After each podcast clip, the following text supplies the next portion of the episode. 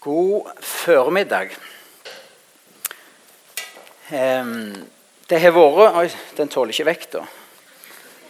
Ikke av meg, da, heldigvis. Det har vært utrolig spennende å arbeide med hebreerbrevet. Og det passet jo litt dårlig at jeg slapp til fem over tolv. For det jeg eh, siste uka har jeg sikkert lest gjennom hele brevet og hørt det som lydbok minst sju ganger. Så jeg er blitt litt hekta. Og du løy, vet, løy med det, Når du blir litt hekta, så har du mye på hjertet. Men eh, jeg skal fatte meg i eh, passende korthet. Eh, jeg er overbevist om at hebreerbrevet er brennaktuelt for oss på Klepp i 2019. At det har et budskap som har kraft i seg til å forandre ditt og mitt liv. Eh, og Det er lite pedagogisk jeg skulle si dette i start, men jeg tenker at det budskapet jeg skal dele i dag, det vil få noen av dere til å bli litt gladere i meg, og noen av dere til å få dere til å like meg litt mindre. For det er heftig med hebreerbrevet. Men det jeg håper på, det er at når vi sammen går inn i hebreerbrevet, og du fortsetter den inngangen hjemme, at Gud der skal få nå deg med et budskap som driver deg tettere på til Jesus. Så hva vil dere ha i dag? Vil dere ha en uh, underholdende tale, eller vil dere ha et budskap som kan forandre ditt liv? Jeg går ut for det siste. Kjære Hellige Ånd, nå ber vi deg om åpne du ordet for oss og la ordene føre oss nærmere til Jesus. Og la ditt ord nå inn til hjertene våre og berøre våre liv. I Jesu navn. Amen. Hebreerbrevet er skrevet til jødisk kristne som med all sannsynlighet levde i jødiske samfunn spredt rundt ut forbi Israel. Du kan si til jøder i utlendighet. Ikke elendighet, men utlendighet. De levde under et dobbelt press. Og Det merker vi når vi begynner å lese i hebreerbrevet. Det er skrevne til kristne som er frista til å hive inn håndkleet. Det er skrevne til kristne som har begynt å sakke litt av og står i fare for å felle ifra. Det er skrevet til kristne som må tåle mye, mens er i ferd med å si nå er det nok. Og Som jødisk kristne så levde de under et dobbelt press. Både presset fra sine landsmenn og familier så ville de skulle vende tilbake til jødedommen. Og presset fra de romerske myndigheter og øvrigheter. Bakgrunnen for dette brevet er veldig alvorlig.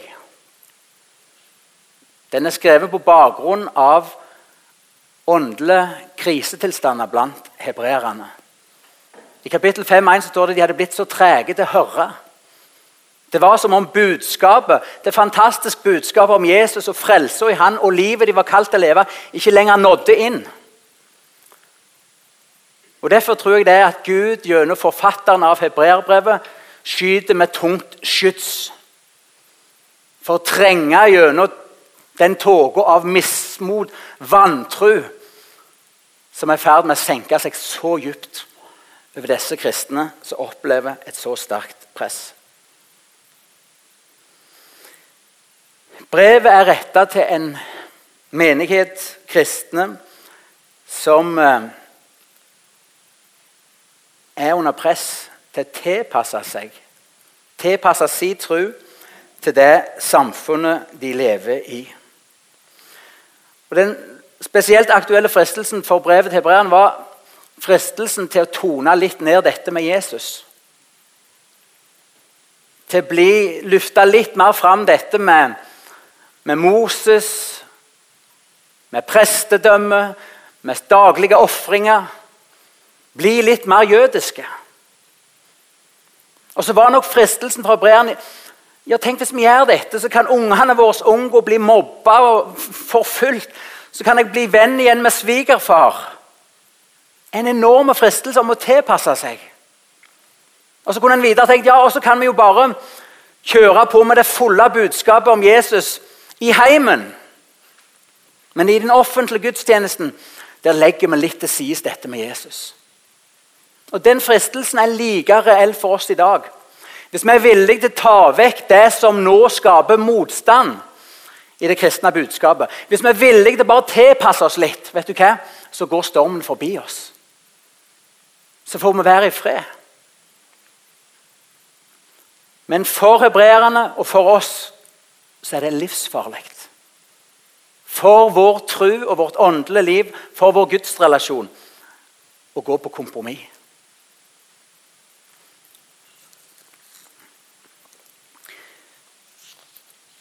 Derfor er det at jeg kan ikke si det annet enn Forfatteren av hebreerbrevet han går ut i 100. Og Han slår fast i de fire første versene det som du har sett som overskrift på denne talen Jesus er størst. Eh, vi skal nå sammen lese eh, Hebreerne 1, 1-4.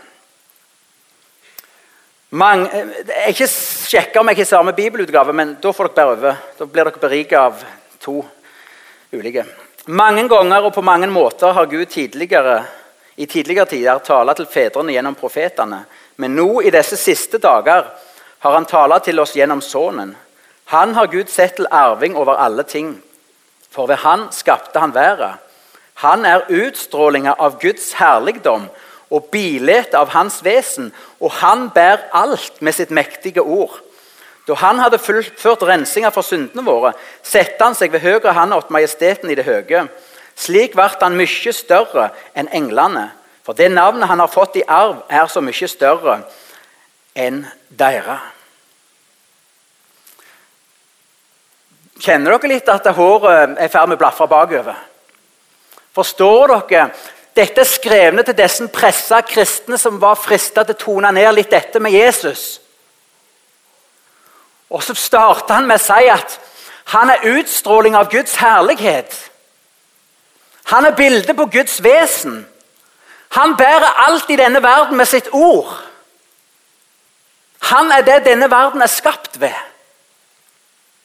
Hvor lurt er det da til å tone han ned for å lufte opp noe som har hatt sin tid. Som ikke lenger har kraft til å frelse og fornye, til berge og bevare.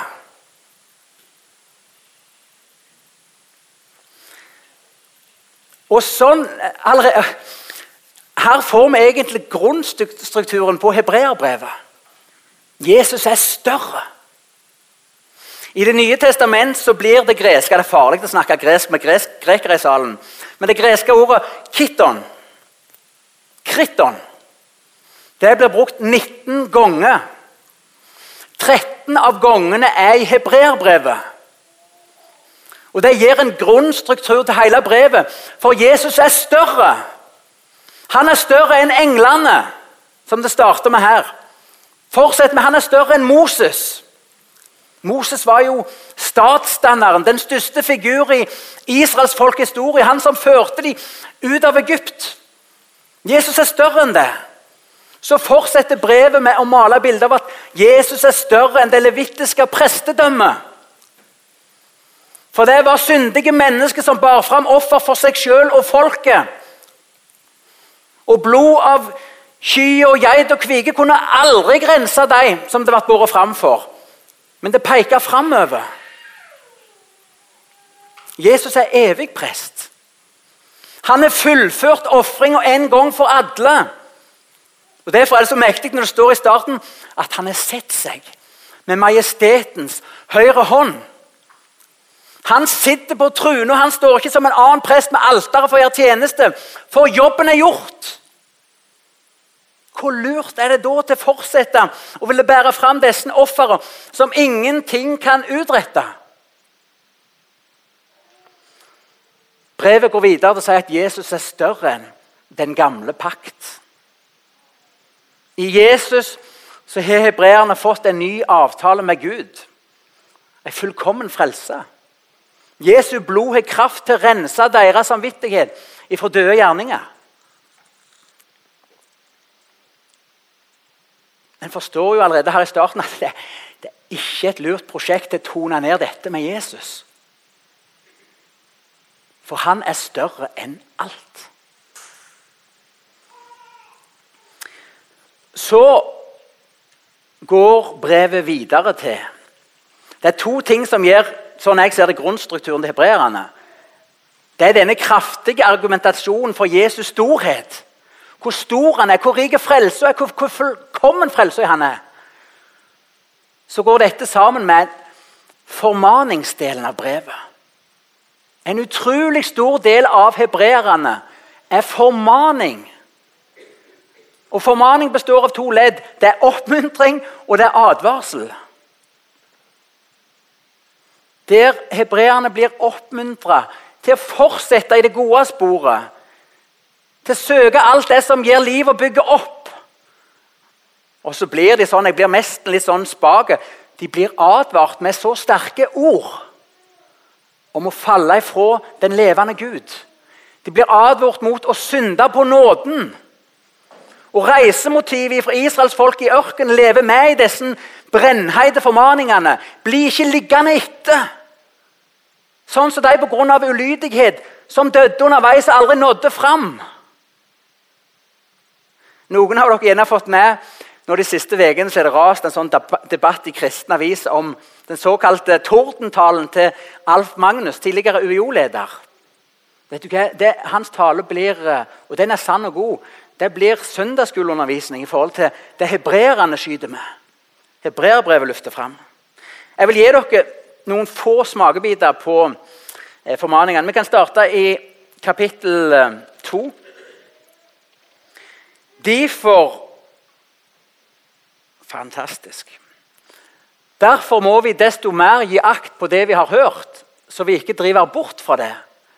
For når det ord som var talt gjennom engler, var gyldig, så hvert lovbrudd og all ulydighet fikk sin fortjente straff. Hvordan skal vi da slippe unna hvis vi ikke bryr oss om en frelse som er så mye større? Ser dere dette? her?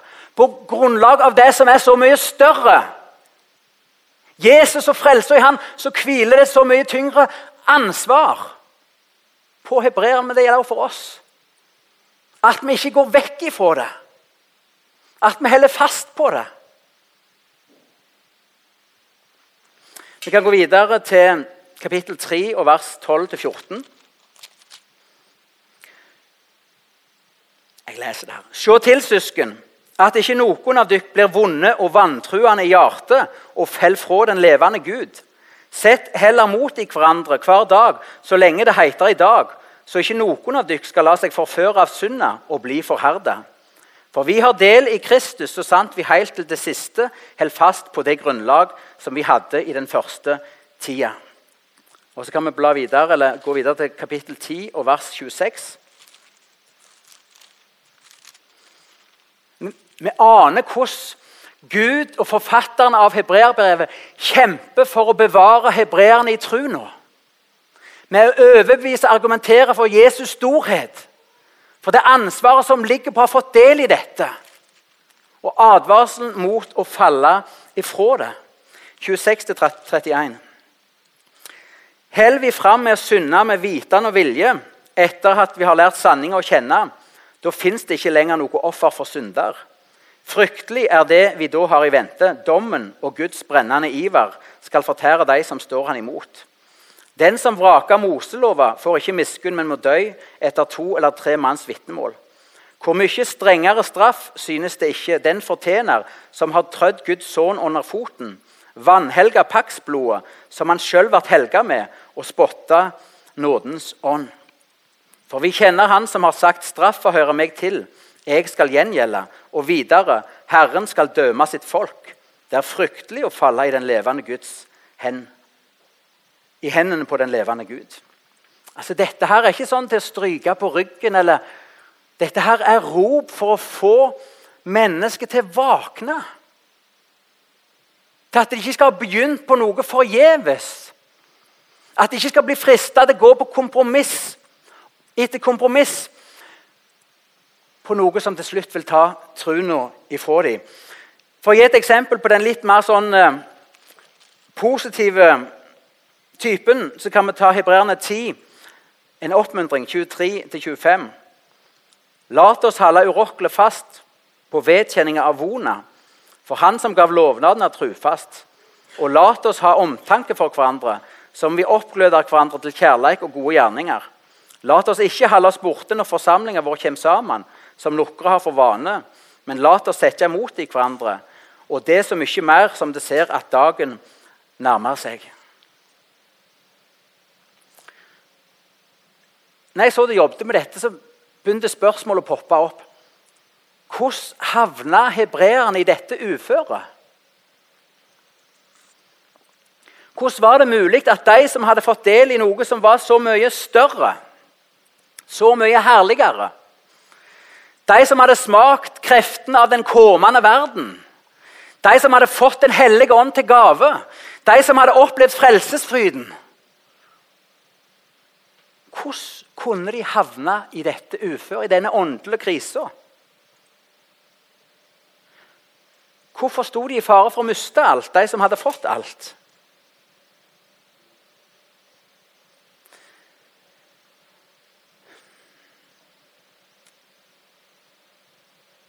For sånn er det jo at å leve med et sterkt press ifra samfunnet rundt, det er i veldig mange tilfeller positivt for kristne, selv om vi tenker motsatt.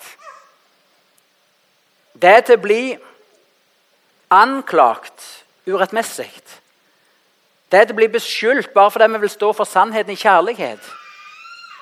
Det er til å ha sterke krefter som vil jobbe mot oss for å få oss til tider det er i utgangspunktet veldig positivt for en kristen. For hvis vi er klar for det, så renser det og foredler det troen vår. Så driver det oss tettere til Jesus. Så gir det oss bare enda sterkere styrke til å stå. Men sånn var det ikke for hebreerne. Ytre press om tilpasning førte ikke til blomstring og vekst. Men det førte til forfall og faren for frafall. Hvorfor var det sånn? Jo, Vi trenger ikke gå i et annet brev eller bok for å lete etter svar. Vi får det svart på hvitt i hebreerne. Slutten på kapittel 5 og starten på kapittel 6. Kapittel 5, 11-6-3. Og Der får vi grunnen. De mangla gru. Jeg skal forklare dere hva gru er. Men de mangla gru, bare for å få dere litt nysgjerrige. De hadde ikke gru. Og Det var ikke en sånn skrekk og gru, men de hadde ikke gru. Så de var ikke klar til kamp. Men vi skal lese dette. 5.11-6.4. Om dette har vi mye å si, men det er vanskelig å forklare siden det har blitt så likeselle med Høyre. Etter så lang tid burde det sjølve våre lærere, men det trenger noen som på nytt lærer dykk det første og grunnleggende i Guds ord. De har blitt slike som trengt mjølk, ikke fast føde. For den som lever av mjølk, er et spedbarn og skjønner seg ikke på budskapen om rettferd. Men fast føde er for de fullvoksne. De som ved å bruke sansene har øvd deg opp til å skille mellom godt og vondt. Derfor må vi gå videre fra det første vi lærte om Kristus, fram mot full mogning. Vi vil ikke på nytt legge grunnvollen med omvending for døde gjerninger, tro på Gud, med undervisning om rensingsbad og hanspålegging, og oppstå fra de døde og evig dom. Slik skal vi gå videre om Gud vil. Vet du hva? Etter så lang tid så burde hebreerne, våre lærere, alle gjeng, hele gjengen, inn i sin egen familie, i sitt nabolag, i møte med de menneskene som de skulle få i stand til å lære mennesket veien til modenhet i Kristus. De skulle være i stand til å trene disipler som sto sterkt i stormen. Men sjøl vakla de og var i ferd med å skli tilbake fordi de ikke hadde de grunnleggende ting i Guds ord på plass. Omvendelse fra døde gjerninger. Tro på Gud.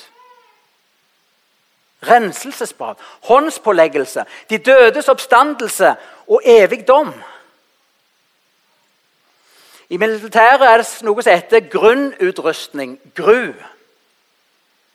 For en soldat skal være klar til kamp, som man han ha grunnutrustninga på. Det er stridsvesten, om du vil. Det er uniformen, det er hjelmen, det er våpen og ammunisjon. Er det et lengre oppdrag, så er det også nødvendig med nødvendig proviant og oppakning for lengden på oppdraget. Uten gru så er ikke soldaten stridsdyktig. Og uten at vi som kristne, akkurat som hebreerne, har de grunnleggende ting i Guds ord på plass Vet du hva? Så detter vi én etter én, og bare presset blir skrutt på. Så frister det så enormt å bare tilpasse oss litt. Trekke oss litt tilbake. Tone litt ned det som vekker anstøt eller blir angrepet. Sånn at storm skal gå oss forbi.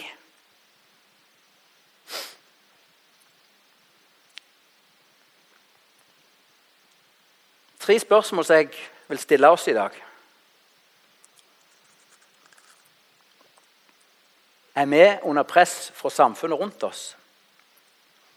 Første spørsmål. Andre spørsmål. Mangler vi gru?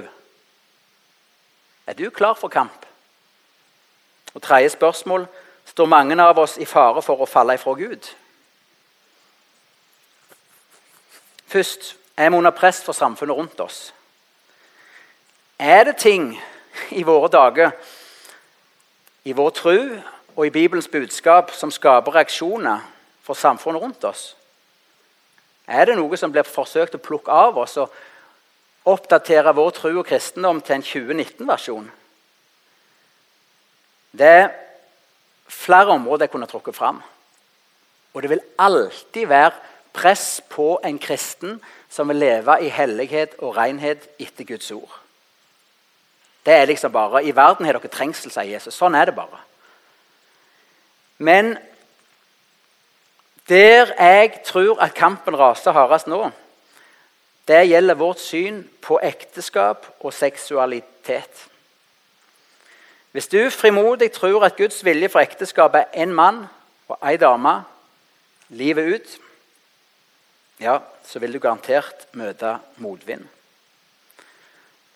Som kristne så tror vi at ekteskapet Nei, at seksualitet, samleie, om du vil, at det hører hjemme i ekteskapet. Og at Gud kaller oss som folk og som individ til å leve i renhet her. Vi tror at Gud kaller våre barn og ungdommer til å være avholdende fram til de gifter seg.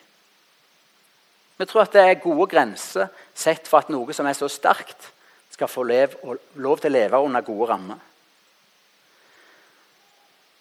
Og Hvis du i tillegg i våre dager våger å si at å leve i samboerskap og i homofilt samliv er synd, ja, da blir du beskyldt for både å være fordømmende og diskriminerende. Og la meg bare ha sagt det, Jeg er imot enhver form for diskriminering hat mot homofilt samlevende. For meg handler ikke dette om det. Jeg vil være vennlig, respektfull mot deg. Jeg vil ha gode relasjoner til dem som naboer, venner, familie. Og jeg vil være deres venn. Men du vil aldri få meg til å si at deres ekteskap kan eie Guds velsignelse når det står under Guds dom. Og Der er det et enormt trykk mot oss kristne i dag. Om å bøye seg for dette preidtoget som kjører over landet. Ja, flott du er kristen, men våg ikke å si at det er noe rett og galt. At Bibelen fortsatt kaller noe synd. At det ikke er forenlig med livet som kristen. Kom ikke her og si det. Da skal vi kjeppjage deg, vi skal forfølge deg, vi skal sette deg i et dårlig rykte. Kom ikke her og si det.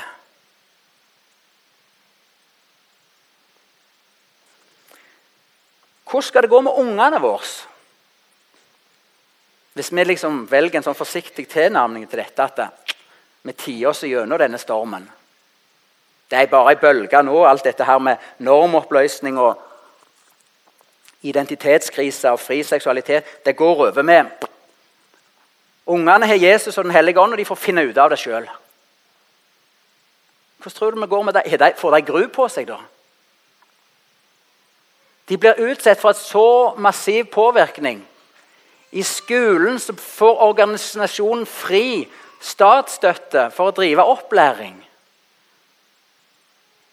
En blir lært opp til at det er frihet, det er frie grenser.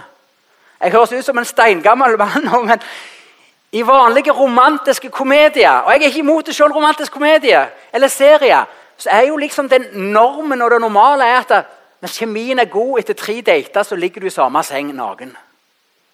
Det er liksom det ungene våre blir fort med. Det er det vanlige. Da lever du livet fullt ut.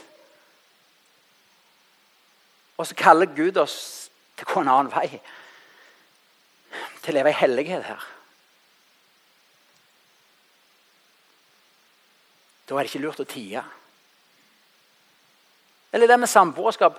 Vi har et ansvar som foreldre til å lære ungene våre opp i dette. Ja, ja, men de blir voksne, og så forstår de. Vet du hva, Jeg tror vi lurer oss sjøl så grundig. Hvis vi feller på dette området, hvis ekteskapet og samlivsanarkiet får lov å bre seg fritt i våre menigheter, så tror jeg vi etter hvert taper alle de andre kampene. Fordi vi blir hengende etter. Synd er den natur at den får makt over oss. Og Kanskje noen her inne har mista frimodigheten til å formane og oppmuntre sine unger på dette området, for du sjøl falt. Skal du ta det som er sant, vekk fra de unge fordi du sjøl falt? Kanskje det er tid for deg hvis du ikke gjort det, til å bekjenne din synd til Gud. Og igjen få frimodighet til å lære dine unger den veien skal gå. Til å løfte fram med stolthet Guds gode grense for samliv. Til å våge å være tydelig.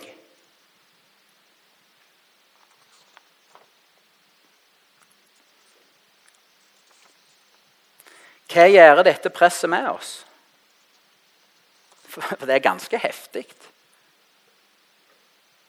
Hva gjør det med oss? Får det oss til å bli sånn litt redde og fryktsomme? og Er vårt høyeste ønske at alle skal like oss like godt? Vet du hva, Det er mye vi ikke kan snakke om tenker vi at ja, ja, men i offentligheten og i menighetssammenheng så må vi bare legge vekt på de positive budskap, så ikke støyter noen eller utfordrer noen. Og så kan vi heller ja, rundt kjøkkenbordet, hvis det passer sånn, se hvem vi kan få så inn blant ungene. Da tror jeg det går i glemmeboka. Da tør det hen. Vi må våge å være tydelige.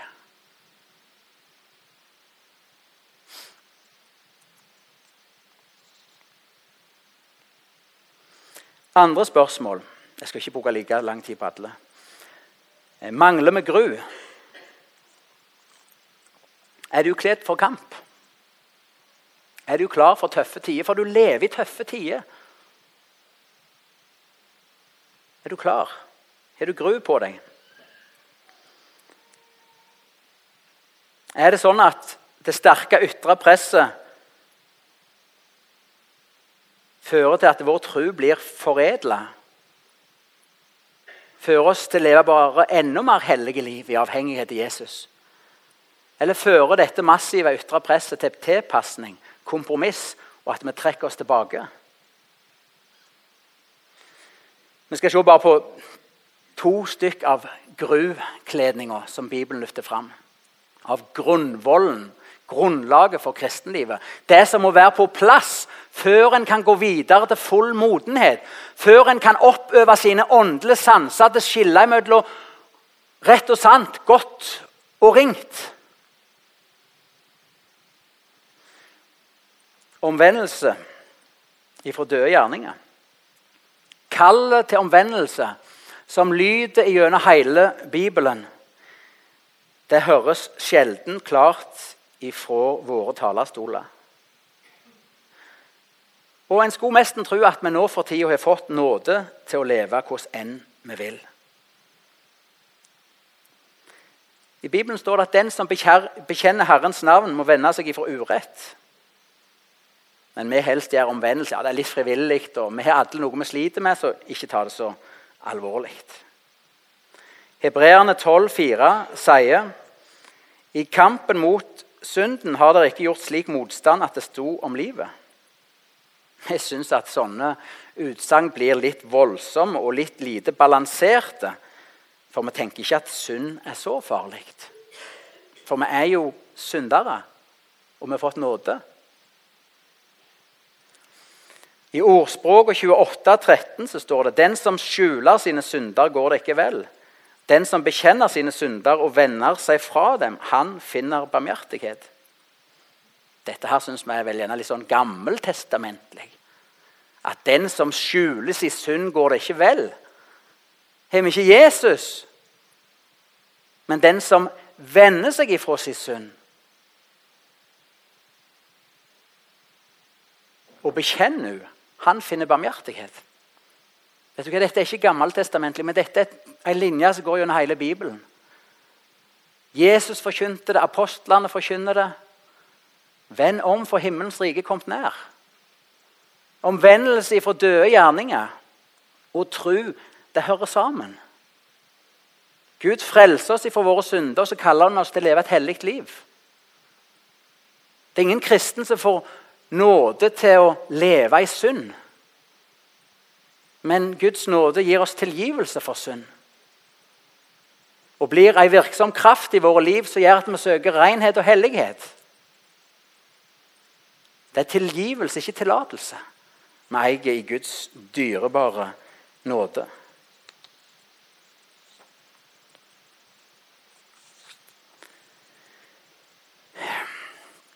Jeg var litt om jeg skulle ha med dette her, men uh, nå tar jeg det. For en del år tilbake så var jeg en plass i landet og talte. Uh, og jeg hadde nok ganske heftige budskap. Det hender jeg har det. En gang jeg skulle bli introdusert som taler, så sa møtelederen nå skal Sølve salte. Uh, han skulle egentlig presentere meg som Sølve salte, men det hender at det kommer noe salt.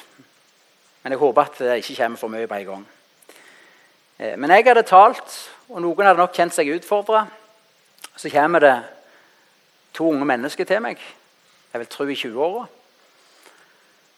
Begge var gift, men ikke med hverandre. Men de kjente på en sånn tiltrekning til hverandre. De var åpenbart forelska. Ektefellen deres var en del vekke, for de sto sammen i en kristen tjeneste. Så disse to ble da sittende hjemme og vokta heimene og søke sammen.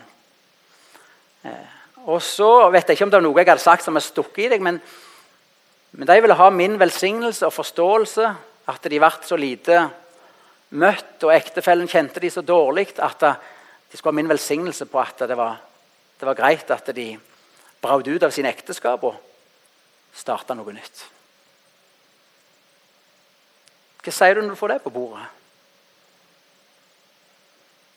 Jeg, eh, jeg sa, jeg husker ikke ordrett, men jeg sa at du kan ikke planlegge misbruk av Guds nåde. Du, dere vet jo at dette er mot det Gud har kalt dere til. Til elske og ære for å bli trofaste. Dere kjenner dere dreiner mot hverandre og føler at det er så tomt i det dere står i, men det er ikke det Gud har kalt dere til. Hva vet vel du om hjertet ditt blir hardt gjennom å ta det valget? vil dere risikere å miste alt. Det var nok ikke det de ville hørt. Men så langt jeg vet, så lever de fortsatt med sine ektefeller. Og hvis de har investert godt, så tror jeg de kan leve begge i lykkelige og gode ekteskap. Hva hadde disse gjort hvis jeg hadde sagt ja, kom igjen? Gud oppgraderer ekteskapet ditt. Du fortjener noe. Klart det mye vekke i kristen tjeneste. Kom igjen. Ingen ville sagt det sånn, men det er ikke sånn Guds vilje er. Av og til gjør vi det så vanskelig når vi snakker om det å være trofast og forbli ekteskap, for vi bruker ekstremtilfellene. Ja, men Hva hvis noen nesten blir drept, eller hva hvis ungene blir Vet du hva, I 99,9 tilfeller så er ikke det saken. Men det er saken at en begjærer noe. At en opplevde en god flørt på jobb. At en fikk kontakt igjen med noen en gikk på gymnaset med. At det har vært litt surt og litt lite givende med kona etter fjerde ungen. Altså ikke Gud en nåde og en velsignelse til bare da takk for meg. Et annet eksempel. Poenget mitt nå er at vi ikke har fått nåden for å misbruke den. Eh, en venn av meg skal ikke si navn, Han er selv stått fram med dette og talt om det, men jeg skal ikke si navn. Han var bonden til pornografi i 18 år. Kristen gutt fra god kristen hjem. Og Han sier selv at jeg var i ferd med å miste alt. Ekteskapet mitt, troen min, ungene mine, sjølrespekten. Men så møtte Jesus han i en visjon av korset. Der han fikk se at Jesus også hadde dødd for denne synda. Og, og dette forteller han selv, og så gikk han og bekjente dette til en bror han sleit med. Og så sa han jeg er så glad at den kristne broren som gikk det, ikke var en av de som sier ja, ja, ikke snakk mer om det. Vi har alle noe vi sliter med. Men han sa vet du hva, jeg vil stå med deg i denne kampen. Jeg vil hjelpe deg. Og så har denne vennen min han er stand i denne kampen. vet du hva, han er, Med Guds nåde så han seirer. Han er fri fra det. Og det er helt utrolig. Han sier selv de siste to årene har jeg hver dag fått vitne om noen til Jesus. Før var det taust. Det skjer noe når Guds nåde får gjøre sanne verk i våre liv. Vi må også ta imot nådekallet til omvendelse.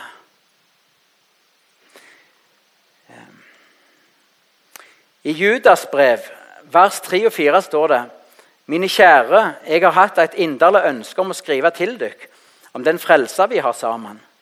Men nå ser jeg meg nøyd til å sende dere noen formanende ord om å stride for den trua som en gang for alle er overgjevne til de hellige. For det har sniket seg inn visse folk mellom dere som for lenge siden er oppskrevne til å bli dømte. De misbruker vår Guds nåde til et liv i utskeiinger, og de fornekter vår eneste hersker og Herre Jesus Kristus. Vi har ikke fått Guds nåde til å misbruke Han. Til å få frihet til å leve på utsida av Guds vilje. Det er det fornekta Jesus. Jeg skal gå mot avslutning. Vi hopper over andre del av grunnutrustningen. som jeg, jeg ville sett på. Eh, men jeg vil våge å påstå ja, vi mangler har store mangel når det gjelder gru. Vår tids kristne vi står ikke så sterkt og er ikke så forberedt på å stå i den stormen som raser mot oss. Tredje spørsmål står mange av oss i fare for å falle ifra. Hvis du er enig i mine to første ja, så er det nå et tredje ja som kommer. Samme hvor alvorlig og utenkelig det kan høres ut, faller ifra troen og jeg. Ja, det er en reell fare for mange av oss, tror jeg. Hvis vi lever under vedvarende sterkt ytre press og mangler det grunnleggende i Guds ord, den grunnleggende utrustning som kristne, så står vi i en veldig utsatt stilling. Men takk Jesus for at det fins håp. Og Det er derfor hebreerbrevet ble skrevet til hebreerne og til oss. For at den skal styrke oss at den skal oppmuntre oss til å gå på den rette vei. At den skal advare oss mot å gå videre i det som vil røve troen ifra oss. Hebreere er Guds dynamitt, Guds rop til oss kristne i dag. Om vi ikke blir hengende etter, om vi ikke lar hjertet bli forherda. At vi som har fått del i ei så mye større frelse Det hviler så stort ansvar for oss at vi er kalt til å gå videre til modenhet til å stå i stormen. Til ikke trekke oss tilbake, men heller tale stormen midt imot. Og Formaningene er Guds kjærlighet og omsorg for oss. De er som veiskilt som viser den rette veien. Hvis du kjører på med motorveien, hvis du, ser, hvis du kjører i feil fil inn på motorveien, det er jo dødelig farlig. Da står det kjempestore skrift 'Fare snu'. Eller er det feil vei? Snu. Sånn, sånne skilt finnes det mange av i hebreerne. Feil vei, snu. Det er ikke for å gjøre livet ditt og mitt kjipt, men det er for å få oss til å gå på den rette vei. La oss slutte der vi begynte. Jesus er størst.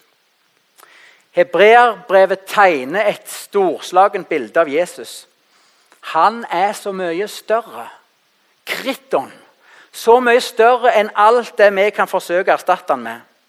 Han er en utstråling av Guds herlighet og et bilde på hans vesen. Jesus er så mye større enn det som står oss imot. Han er så mye mektigere enn alle åndskrefter og ideologier og mennesker som forsøker å få oss til å gå på kompromiss med vår tro. For han er arving til alle ting, og han bærer alt med sitt mektige ord. Og verden er skapt ved han.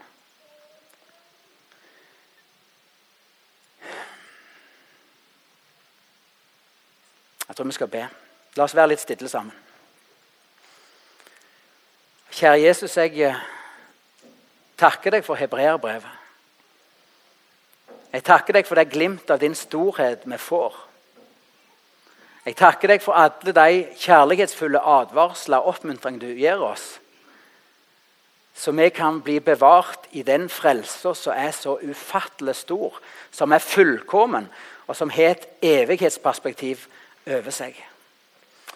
Og nå, Jesus, vil jeg be for alle her inne som, som ditt ord nå rammer hjertet, som innser at ja, jeg har gjerne begynt å slakke litt av. Jeg har begynt å trekke meg tilbake. Jeg har begynt å leke med det som er farlig for meg. Jeg ber Jesus om at du må gi dem nåde til å vende om. Gi oss alle nåde til å vende om, på ny og på ny. Jeg ber om at ingen av oss må bli liggende etter, men at vi må fullføre med blikket festa på deg, Jesus. Og Hellige Ånd, jeg ber nå at du skal stadfeste det budskapet som er forkynt, at det skal få bli til liv, til vekst, til modning, til omvendelse i våre liv. Og Hele folket som var enig i det som hadde vært sagt, sa amen.